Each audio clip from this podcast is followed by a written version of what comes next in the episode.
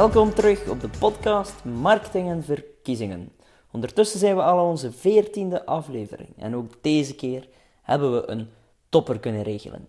Niemand minder dan meneer Ivan de Vadder. Een absolute topper in de politieke communicatie, in de politieke journalistiek en jullie zeker gekend van de afspraak op vrijdag. Het is een zeer leuke discussie geworden, een zeer leuke podcast. We hebben het onder andere gehad over het ethische van uh, online campagne voeren. En op het einde krijgen jullie allemaal een zeer belangrijke tip, en de nummer 1 tip van meneer De Vader, om te starten met een politieke campagne. Zeer veel inspiratie gewenst. Goedemiddag, meneer De Vader. Goedemiddag. Uh, fijn dat u even ons te woord wilt staan in deze nieuwe podcastaflevering rond marketing en verkiezingen. Vandaag gaan we het vooral hebben over hoe je in de traditionele media uh, raakt en hoe je ook de traditionele media kan gebruiken om je eigen politieke boodschap te versterken, maar ook een stukje over sociale media, hoe dan bijvoorbeeld uh, experts als u sociale media gebruiken, uh, of hoe politici, politici sociale media gebruiken en hoe jullie daarmee omgaan. Oké? Prima wat, wij, wat mij betreft, ja hoor. Oké. Ehm, mijn eerste vraag is, hoe kijken jullie zelf als journalisten naar de digitalisering van de politieke communicatie? In die zin dat um, het niet meer noodzakelijk is om altijd via de pers te communiceren. En we zien dat nu ook bijvoorbeeld vooral in, uh, in het buitenland, in Amerika en Nederland, dat politici zeer gericht gaan communiceren. Dus ze gaan bepaalde advertenties online plaatsen die eigenlijk rechtstreeks naar bepaalde doelgroepen uh, verstuurd worden. Dus dat niet meer via traditionele media uh, gebeurt, maar dat echt via hun eigen kanaal gericht naar de mensen is. Is dat voor jullie een troef of zien jullie dat eerder als een moeilijkheid, omdat je dan misschien niet meer altijd zicht hebt op wat er juist gecommuniceerd wordt?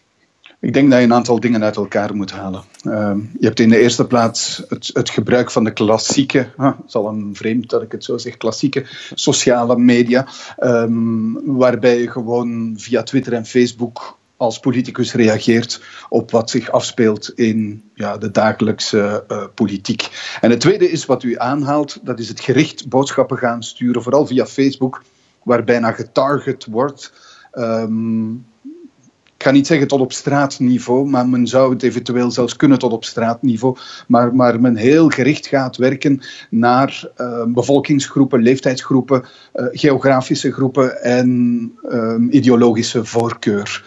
Um, het, het, het, eerste is um, een, een instrument, namelijk via Twitter en Facebook reageren op wat zich dagelijks in die wereld van de politiek afspeelt dat is eigenlijk een verlengstuk van goh, het, eh, de, de, de klassieke politieke wereld. Het is alsof de politieke wereld er een, een, um, ja, een kamer bij heeft gekregen. Hè, waar je vroeger gewoon als journalist belde naar een politicus. En je taak bestond erin om in de loop van de dag, als er zich iets gebeurde, uh, twintig politici op te bellen.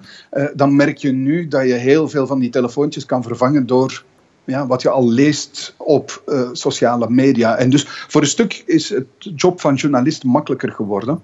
Gemakzuchtiger ook, zal ik er meteen aan toevoegen. Uh, want ik merk heel geregeld dat collega's zich ook beperken tot wat zich in die sociale media afspeelt. En, en op basis daarvan uh, artikelen gaan, gaan opbouwen. Versta daaronder, sommige politici zijn ook gemakzuchtig geworden, want weigeren nog te antwoorden en verwijzen zelf naar hun boodschappen die ze hebben gegeven via die sociale media.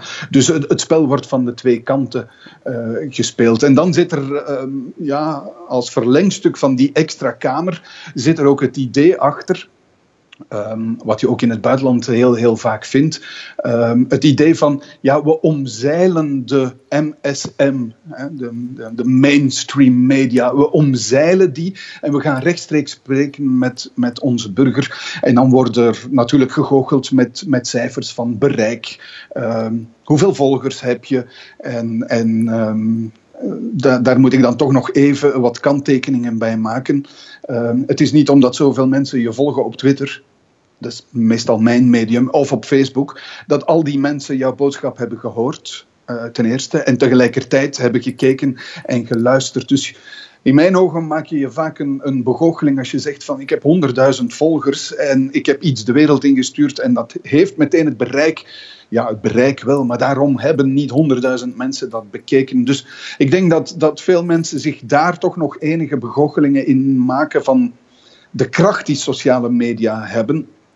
Uh, tegenover de heel klassieke uh, tv-programma's bijvoorbeeld. Wanneer een politicus in het journaal komt, ja, dan heb je 1 miljoen kijkers, punt. En dan weet je ook dat je die 1 miljoen kijkers be bereikt hebt en dat die ook gekeken en geluisterd hebben. Alhoewel dat sommige mensen meer aandacht hebben voor de oorbellen van een presentator of de das dan, dan de boodschap. Dus tussen het versturen van de boodschap en de ontvanger zitten altijd heel veel elementen tussen. Maar ik wil een beetje de idee ontkrachten van kijk, wij hebben nu een eigen kanaal ter onze beschikking en dat neemt alles over. Nee, dat is een extra kamer die erbij is gekomen en die politici in staat stelt om rechtstreeks met een aantal mensen te communiceren. Maar maak je daar op dit moment nog niet te veel begoochelingen rond. Nee, nee. Het, het, tweede element, dat vind ik veel... Ehm, hoe, moet ik zeggen, daar merk ik dat in politieke communicatie veel verder in wordt gegaan. En dat men heel gericht boodschappen probeert te versturen om mensen te proberen te bereiken. En het meest frappante voorbeeld is bijvoorbeeld uh, de mensen die tot je eigen partij behoren of aangegeven hebben interesse, bijvoorbeeld via Facebook, te hebben in de boodschappen van jouw partij. Maar ook het omgekeerde. Je kan ook bewust op zoek gaan naar tegenstanders. Um, en dat gebeurt heel vaak. Hè. Mensen van Vlaams Belang targeten bijvoorbeeld op sommige momenten N-VA-kiezers in een poging om boodschappen daar uh, te krijgen. Maar nogmaals, ook daar zijn de cijfers, het aantal mensen dat je bereikt, blijft in mijn ogen nog altijd beperkt tegenover de mainstream media. Mhm. En dus, en daarmee maak ik mijn redenering af, ik merk heel vaak dat politici sociale media gebruiken om in de mainstream media terecht te komen om in een soort vliegwieleffect te komen. En, en ook dat gebeurt en, en lukt ook heel vaak. Als je natuurlijk schaarste creëert en je zegt van ik kom nergens anders, ik reageer alleen via sociale media, ja, dan ben je als journalist verplicht om naar die sociale media te gaan en dat ook te gebruiken. En zelfs tv doet dat dan en gaat een boodschap die daar gebruikt is ook verkondigen via het tv-scherm. Dat is natuurlijk een techniek, maar laten we wel wezen, het bereik komt dan toch nog altijd van de mainstream media en niet van de sociale media. Mhm. Ik denk dat dat uh, volledig klopt ook. Ik, uh, ik wil ook nog even terugkeren op het feit van het, het goochelen met cijfertjes. Uh, ik ben het er ook absoluut mee eens en dat is ook iets wat ik vaak in de workshop zeg is, je mag niet enkel alleen focussen op, op bereik, want het is niet omdat je veel communiceert en ook veel mensen bereikt, dat je daar ook veel mensen mee overtuigt. En er is nog iets helemaal anders. Ik, neem altijd het voorbeeldje van de, de schattige katjes. Heel veel mensen zien de schattige katjes, heel veel mensen vinden die schattige katjes leuk, maar niemand gaat op jou stemmen, ondanks dat je heel veel mensen bereikt met die schattige katjes. Dus dat is ook nog iets helemaal anders. Het gaat nog een stuk verder. Ehm, wanneer wij kijkers hebben, dan betekent het dat mensen gedurende 10 minuten onafgebroken naar een deel van je programma hebben gekeken. Een view op Facebook is geloof ik twee seconden. Dan moet je twee seconden gekeken hebben om als view geregistreerd te worden. Dat is natuurlijk een groot verschil.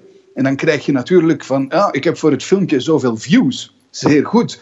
Maar hoeveel mensen hebben dan echt je boodschap gehoord, en bereikt. Zelfs voor een tv-programma dat een uur of 50 minuten duurt, is het maar 10 minuten. Ook daar kan je beginnen redeneren van ja, misschien is dat niet een volledige kijker, maar er is meer dan die twee seconden of een paar seconden. Ik denk dat het twee is, maar het kan ook iets meer zijn. Maar het gaat over een paar seconden waar Facebook rekening mee houdt wanneer het over views gaat. Dus er wordt heel veel met cijfers gegoocheld, maar daarom zijn die boodschappen nog niet doorgedrongen. Ten eerste nog niet bij de ontvanger terechtgekomen en ten tweede ook nog niet doorgedrongen.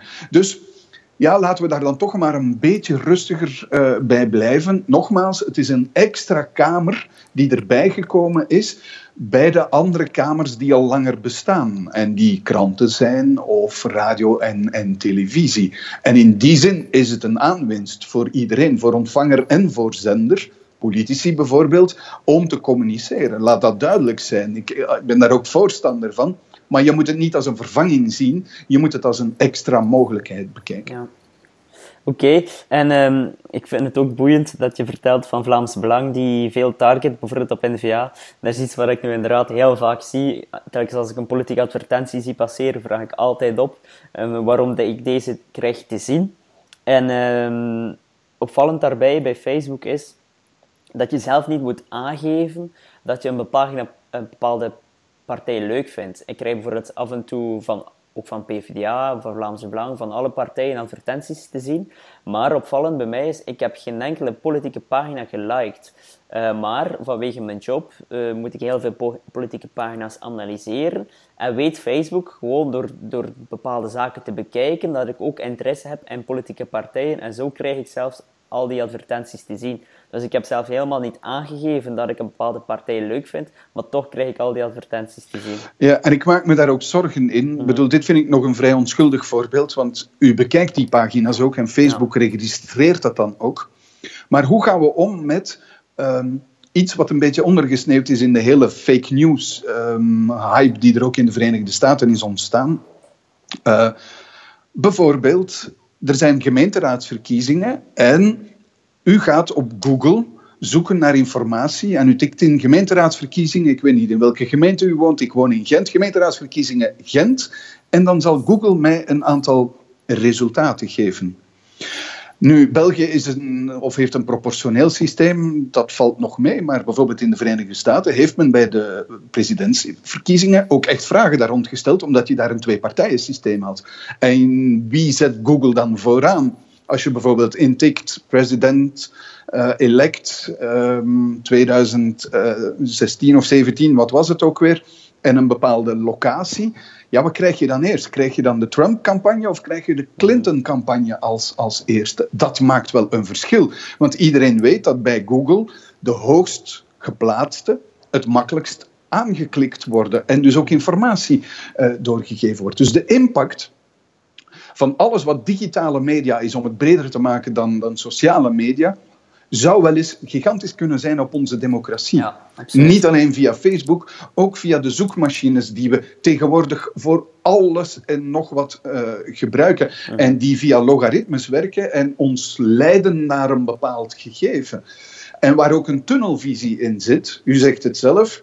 Ik gebruik politieke pagina's, dus logaritme leidt me als vanzelf. Ook bij Google heb je dat. Dingen die je geregeld opzoekt, ja, zullen vaker en sneller opduiken in je zoekpagina. Dus je gaat jezelf in een soort tunnelvisie zetten en nooit een breder perspectief krijgen via die zoekmachines. Je gaat dat als het ware zelf moeten doen, maar we weten dat mensen lui zijn en dat dus niet vanzelf of niet makkelijk vanzelf doen. Dus dat baart mij eigenlijk wel zorgen, eerlijk eh, gezegd. Ja, mij, mij, op, mij ook. Uh, ondanks dat ik zelf wel in de marketingwereld zit, baart mij dat ook wel zorgen, omdat ik geef daar trouwens heel veel uh, workshops over in het onderwijs en ook aan uh, David Fondsen, Willem Fondsen, seniorenclubs clubs, uh, over het algoritme van Facebook. Want zeker bij de jongere generatie en ook bij de oudere generatie, um, voor mijn moeder is nu recent ook op Facebook ja, actief zij begrijpt dat bijvoorbeeld ook niet altijd goed dat je ziet wat je wilt zien.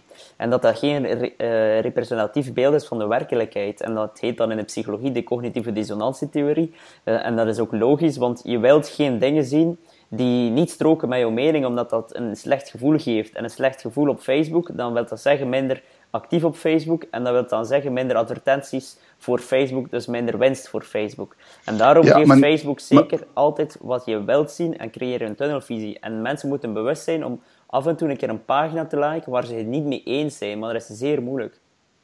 En dan kom je dus bijvoorbeeld in de Verenigde Staten met Pizzagate. Mm inderdaad, in Washington. Je krijgt dus mensen die er echt van overtuigd zijn, omdat ze in die tunnelvisie zijn terechtgekomen. En uh, alt-right websites als Breitbart en zo blijven aanklikken en dus ook daar meteen naar gedirigeerd worden. Wellicht omdat ze daar ook zelf van overtuigd zijn en daar ook vaak naartoe gaan en die vaak bezoeken. Maar bij Pizzagate krijg je dus iemand die een pizzarestaurant in Washington binnenvalt, omdat de theorie ontstaat op die extreemrechtse website dat er een pedofilie-netwerk in dat restaurant wordt gerund door Hillary Clinton. Daar is een man met een pistool binnengevallen En die heeft daar schoten gelost, omdat hij ervan overtuigd was dat hij Hillary Clinton zou betrappen op dat pedofilie-netwerk. Ja, dan denk ik, dit gaat heel ver. Dit is disruptief, ook in onze democratie. En mhm. nogmaals, ik, dat baart mij enorm veel zorgen. Ja, dat is een voorbeeld die ik ook uh, gebruik in mijn presentatie. En die man is, heeft zelfs 6 kilometer, 6, eh, 600 kilometer overbrugd om specifiek naar, daar, naar die pizza, pizzeria te gaan om daar de mensen te betrappen. Dat is inderdaad een zeer frappant voorbeeld.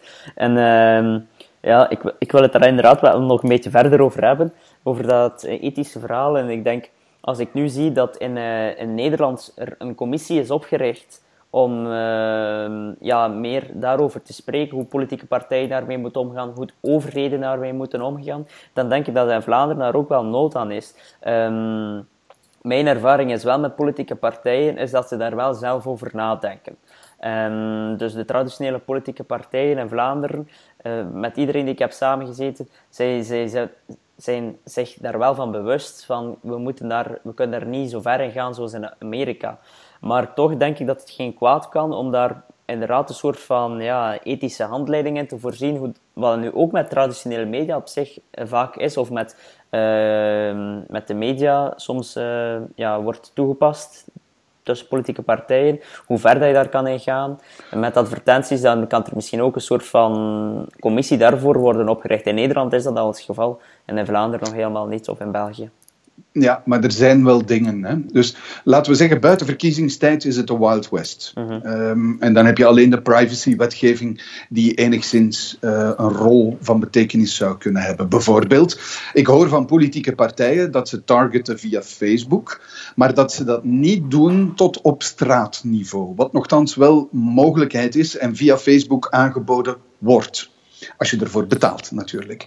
Uh, als je op straatniveau gaat werken, dan kom je heel dicht bij privacy. En dan ga je heel dicht bij ja, het oude systeem waarbij kieslijsten door partijen werden gebruikt en brieven werden verstuurd. Dan zit je echt wel heel dicht. Goed, in tijden van verkiezingen is er een verkiezingswetgeving. En die is in Vlaanderen, in België, heel strikt.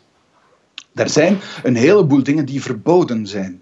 Um, een van de problemen van die verkiezingswetgeving is dat internet daar eigenlijk nog niet in geïntegreerd is. Of laten we zeggen dat de evolutie van internet zo snel gaat dat de laatste update van die uh, verkiezingswetgeving 2007, ja, dat is de prehistorie als je gaat kijken naar sociale media bijvoorbeeld. Ja, dat klopt. En dus bijvoorbeeld, in Vlaanderen is het verboden, in tegenstelling tot in Franstalig België, maar goed, in Vlaanderen is het verboden om televisie te maken via alle mogelijke kanalen, dus ook het internet. Goed, wat gaan we doen wanneer bij verkiezingen filmpjes die nu massaal worden gedeeld via Facebook en andere sociale media gedeeld worden en die een look en feel hebben van een televisie? Um, ja, je kan natuurlijk zeggen, als ik met mijn iPhone gewoon mezelf neem en dat bibbert en dat schudt langs alle kanten, mhm. u gaat dat niet als tv gaan misbegrijpen. Maar zet iemand achter een desk, neem dat op met een, een, eh, een iPhone die stabiel staat en zet er een logo onder VLD-TV en dan kom je in een heel andere situatie terecht. Mhm. Ben je dan televisie aan het maken of niet? De wetgeving weet het eigenlijk niet op dit moment. Je mag het niet, maar het internet, zoals ik al zei, is de Wild West. Dus dat wordt één groot vraagteken bij de komende gemeenteraadsverkiezingen en federale verkiezingen. Hoe men exact hierop gaat reageren, hoe strikt men hiermee gaat omgaan. En dat zal vooral afhangen van politieke partijen, want het is voldoende dat één partij een andere partij beschuldigt om ervoor te zorgen dat partijen in een kramp schieten en, en eigenlijk restrictief gaan, gaan werken. Wat trouwens de geest is van alle verkiezingswetgevingen. op heel veel plaatsen worden op dit moment zelfs affiches niet meer toegelaten, of is daar discussie over. Uh, maar de redenering is wel, we doen geen affiches meer, want je vindt het op alle andere mogelijke kanalen internet. Mhm. Maar de affiches verbieden zit in het idee, net als de 20 vierkante meter affiches die je niet meer mag gebruiken bij verkiezingstijden, in van jongens, rustig, niet te veel geld uitgeven aan verkiezingscampagnes. En dus is dat internet wel een, een, een, ja, een ontsnappingsroute maar waar de vraag bestaat, hoe gaat de wetgeving zich aanpassen wanneer men dat ontsnappingsgedeelte gaat onderzoeken en gaat bekijken op de principes die in de rest van de verkiezingswetgeving uh, wordt gehanteerd. Ik bedoel maar, er zijn richtlijnen het internet ontsnapt er meestal aan, maar ik vermoed dat in de komende jaren men die richtlijnen ook op het internet zal toepassen. Wat eigenlijk niet past in de geest van het internet waar heel veel vrijheid is. Dus eh, dat wordt nog boeiend en ik vermoed dat politieke partijen daar heel erg mee bezig zijn om dat te onderzoeken op dit moment, hoe ver ze daarin kunnen gaan. Ja, dat is wel. Uh dat klopt wel. Maar mijn eigen ervaring is ook dat die wetgeving zeer onduidelijk is. Ik heb nu al meermaals gemaild naar bepaalde instanties die zouden moeten verantwoordelijk zijn om te bepalen of je nu bijvoorbeeld mag adverteren tijdens de sperperiode online, ja of nee. En zelfs, ik heb nu al drie keer een ander antwoord gekregen. Uh, dus, dus, het, ver, het, verbaast mij niet. Um, een van de elementen van die wetgeving is dat ze vaak achteraf wordt... Um, toegepast niet, maar gemaakt. Ik verklaar mij nader. Er is een controlecommissie die achteraf, na afloop van een campagne, alles gaat controleren. En als men dan onregelmatigheden gaat vinden en vaststellen dat er op grote schaal onregelmatigheden zijn of nieuwe elementen opduiken, gaan we dan wetgeving krijgen. Dus er zal eerst een verkiezing over moeten gaan, waar wellicht politieke partijen van alles gaan uitproberen en andere partijen daarop zullen reageren, eer al dat geweld een beetje tot rust zal komen en men daar een kader voor zal schetsen. Mhm. Dat denk ik uh, ook. En uh, een andere vraag die ik mij ook al vaak heb afgesteld uh, is: stel bijvoorbeeld een ABVV maakt filmpjes of maakt reclame of betaalt zeer veel voor een advertentie op Facebook voor een bepaalde linkse partij, laten we nu zeggen. Hoe ga je daarmee om? Uh, wordt dat dan... Ja, je kent uh, het fenomeen van de superpacks in Amerika. Omzeilen ze het gewoon zo, hé, om het uh, partijbudget toch te kunnen omzeilen. ja, de limieten te kunnen omzeilen, werken ze met superpacks. Dus niet, niet door onze partij, maar door een bevriende organisatie die dat wel adverteert naar die doelgroep met hun boodschap. Ja, maar er is een verschil tussen zeggen van als vakbond, kijk, um, trouwens dat wordt heel open gedaan op dit moment. Uh, je moet het internet altijd als een, een, een manier beschouwen en niet als een nieuwe manier om tegen de dingen aan te kijken. En dus brengen terug tot op zijn principe. Bijvoorbeeld het, het, het, het ACV of het ACW, in destijds de beweging.net nu, uh, maken reclame, geven stemadvies voor mensen die in hun zuil zitten. Dat doet de Socialistische Vakbond ook, dat doet de Liberale Vakbond ook. Daar is geen verschil. Alleen gebeurt het nu via bijvoorbeeld gedrukte print of via uh, pamfletten die, die, die verspreid worden. Dus in, in C moet je daarop terugvallen op het principe, als dat nu is toegelaten, dan zal dat ook via het internet worden toegelaten. Dat, dat is denk ik een beetje het principe dat ze, zal gehanteerd worden. Het enige probleem is dat, zoals bij die tv, dat die wetgeving een beetje grijs is en dat het heel moeilijk in te schatten is wat nu tv is en wat nu geen tv is. Daar zit hem uh, bijvoorbeeld het, het, het probleem. Maar het reclame maken voor iemand anders is geen probleem. Iets helemaal anders is, zoals in de Verenigde Staten, dat je een spotje van een partij op een website van een vakbond zet, bijvoorbeeld. Maar dan heb je een origine, een spotje van een partij, dat komt ergens vandaan. En meestal, wat er nu dan gebeurt, is een financiële afrekening. Dus onze verkiezingswetgeving is in de eerste plaats een financiële afrekening. En dus er zit een beperking omwille van ja, oude dossiers die met corruptie te maken hebben, is een van de belangrijkste elementen van onze verkiezingswetgeving achteraf een afrekening. Er wordt gezegd van een partij en een persoon mag maar zoveel uitgeven. Goed, als nu zou ontdekt worden dat bijvoorbeeld een individu van een bepaalde partij een spotje heeft gemaakt en dat spotje wordt bij de website van de vakbond geprojecteerd, dan zal men zeggen, ah, u hebt dat spotje, dat staat gelijk aan zoveel euro aan publiciteit. U zal die euro-publiciteit bij u op uw budget moeten nemen, waardoor u sneller aan het maximumbudget raakt, waardoor u niet op andere manieren reclame kan voeren. Mhm. En dat is ook de vraag om terug te keren naar bijvoorbeeld dat tv maken of andere elementen, zal men bijvoorbeeld het targeten dat partijen doen op Facebook in verkiezingsperiode gaat men dat afrekenen. Gaat men dus zeggen, ah, u moet dat bij uw budget nemen van verkiezingsuitgaven. Mij lijkt dat logisch. Maar dat betekent ook dat je daar ook die boekhouding erbij gaat moeten nemen. En dat je dus ook meer transparantie zal moeten bieden als partij in de methode die je daar rond gebruikt. Terwijl dat nu, zoals ik al zei, een, een beetje een grijze zone is waar heel veel partijen aan het experimenteren zijn. Zoals ik het nu heb begrepen, zal dat inderdaad het geval zijn, dat je dat dan erbij moet nemen. Maar dan ja, opnieuw, dat lijkt me zo makkelijk te omzeilen. Uh, Bewijs het maar eens. Ja, voilà. Bewijs het maar eens dat je maar voor, ik zeg maar wat, 15 euro getarget hebt in plaats van voor 300 euro. Ja. Dus, maar op zich kan je, kan je de facturen opvragen. Hè? Dus dat, dat kan je wel, maar je kan ook gewoon via iemand anders natuurlijk een persoon uh, een, fictieve, een fictieve Facebookpagina opmaken en zo beginnen adverteren. En ja, dan is het heel moeilijk te, te, te controleren natuurlijk. Maar op zich een zeer, zeer boeiende discussie, uh, uh, waar ik ook wel zelf vaak over nadenk. Maar waar ik wel vanuit alle oprechtheid merk is um, dat in Vlaanderen, de Vlaamse partij waar ik mee werk, daar toch allemaal zeer uh, zelf hard over nadenken. Maar ik denk ook dat na de verkiezingen nog iets duidelijker zal zijn. Wel, ik, ik hoop het, want ik vind het heel boeiend um, om, om de verschuiving te zien bij politieke partijen. Hoe zij met die sociale media omgaan. Zij gebruiken het ook als een thermometer.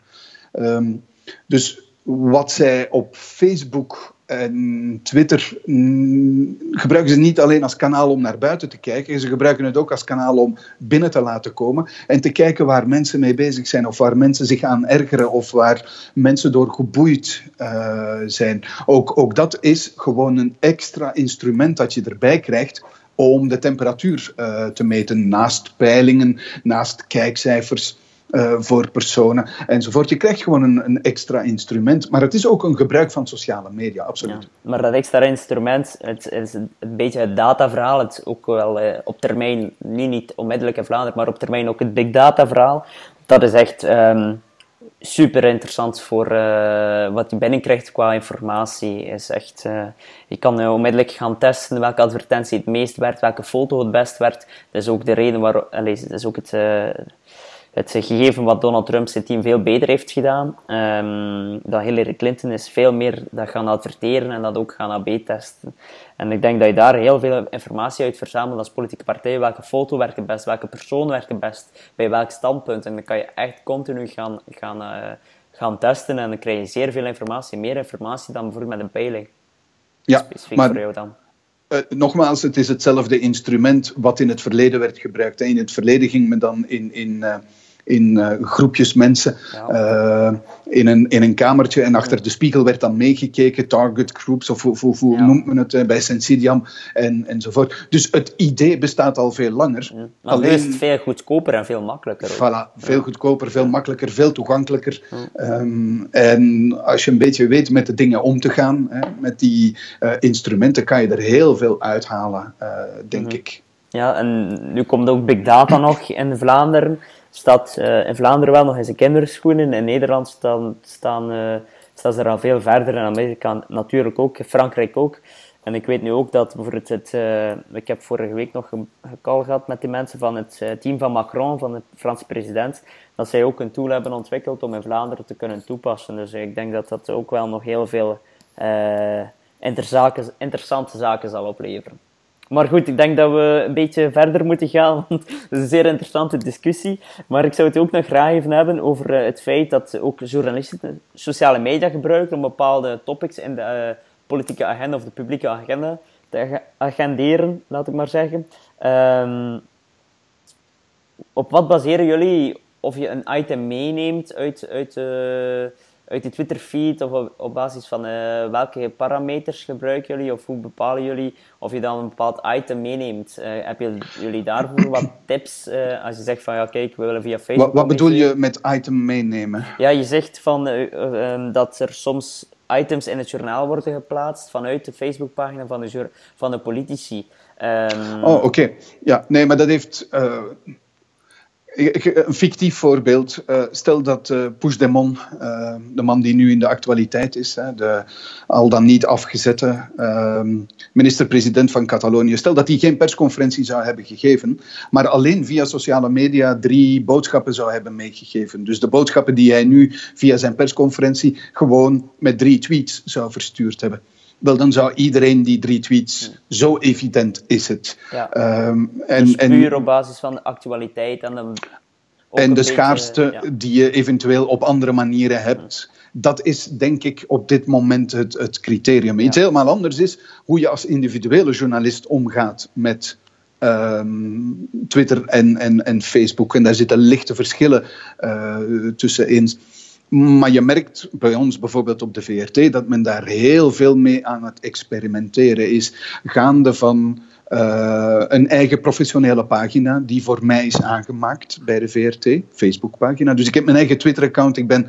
Um, even situeren, binnen de VRT denk ik een van de eerste die ooit destijds in 2009 heel actief met Twitter uh, ben beginnen werken. Um, ik zag daarin een uitlaatklep voor mijzelf om analyses te maken zonder dat ik meteen een heel artikel moest schrijven.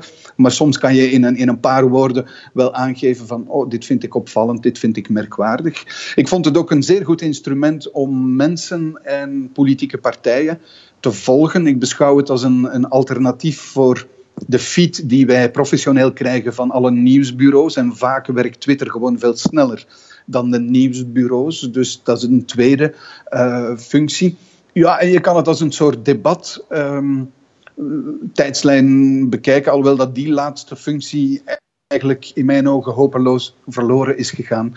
Um, door de toon die gehanteerd is en door het feit dat door die toon heel veel mensen van Twitter weggelopen zijn en naar Facebook gegaan zijn. Mhm. En dus krijg je nu een zeer professioneel instrument, of laten we zeggen een instrument voor professionals, um, journalisten, nieuwsinstellingen, instellingen toekoer, die dus met nieuws omgaan en nieuws verspreiden en met nieuws bezig zijn. En minder en minder met opinie. Mhm. Dat is in mijn ogen verschoven naar Facebook, waar je dus uh, ja, tussen het huis, tuin en keuken, mijn familie en wat heb ik dit weekend gedaan, nu toch ook stilletjes aan heel veel nieuws en opinie ziet opduiken. Wat ik helemaal in het begin van Facebook veel minder zag. Toen was het echt huis, tuin en keuken. En dit zijn mijn vrienden en wat heb ik dit weekend uh, gedaan. Dus daar zit een professionalisering bij, bij Facebook aan te komen, waar Facebook trouwens ook op aan het reageren is met zijn dubbele tijdlijn, die nu in een aantal uh, landen wordt, wordt uitgeprobeerd. Um, maar even terugkeren, dat is de, de, de, de, achtergrond. Dus bijvoorbeeld op de VRT is men aan het werken met een, een professionele pagina, waar ik ook niet alleen zelf, maar ook een aantal beheerders uh, op heb, die um, geregeld berichten daarop zetten. Bijvoorbeeld als ik iets doe in ter zake, wordt dat, wordt dat voor mij gepost. Als ik iets... Uh, uh, doe voor uh, de redactie.be, heette het vroeger VRT Nieuws, dan wordt het ook daarop gepost. Um, dus ja, daar, daar, zijn een aantal instrumenten waar wij ook als journalist mee aan het experimenteren zijn om niet alleen op de traditionele kanalen te gaan functioneren, maar ook in die wereld van het internet. En ik denk dat we nog niet helemaal zijn waar we moeten zijn. Digital first uh, is de grote nieuwe roep binnen de, de, de journalistieke wereld. Uh, maar we zijn toch heel sterk aan het opschuiven. En dat is een evolutie die ik trouwens bij elke redactie, of het nu een krantenredactie, tv, radio, elke nieuwsredactie is aan het opschuiven naar digital first. En uh, dat is echt de grote nieuwe evolutie. En daar wordt volop mee geëxperimenteerd. Ik vermoed dat die experimenten op den duur ook wel in een soort plooi gaan vallen, waarbij de dingen ja, in een meer schabloonachtig gegeven gaan zitten, terwijl het nu soms alle kanten uitschiet. Mm Zeer boeiend, zeer boeiend. Um, we gaan uh, stilaan afronden, maar ik zou nog één, uh, of nog uh, het eens kort willen hebben over de meer traditionele media, in die zin van hoe je als startende politicus of politicus, politica toekoer het best communiceert via de via de pers. Heb je daar nog wat tips over hoe je makkelijker uh, in de traditionele media raakt? Uh, hoe, uh, wat tips voor jonge politici of startende politici? Wel, ehm, eigenlijk heb ik op dit moment maar één tip. Maak gebruik van sociale media. dat hoor ik graag. Ja. Dat is goed voor mijn business. ja, dat is goed voor uw business. Um, maar ik meen het ook. De... Um, Oké.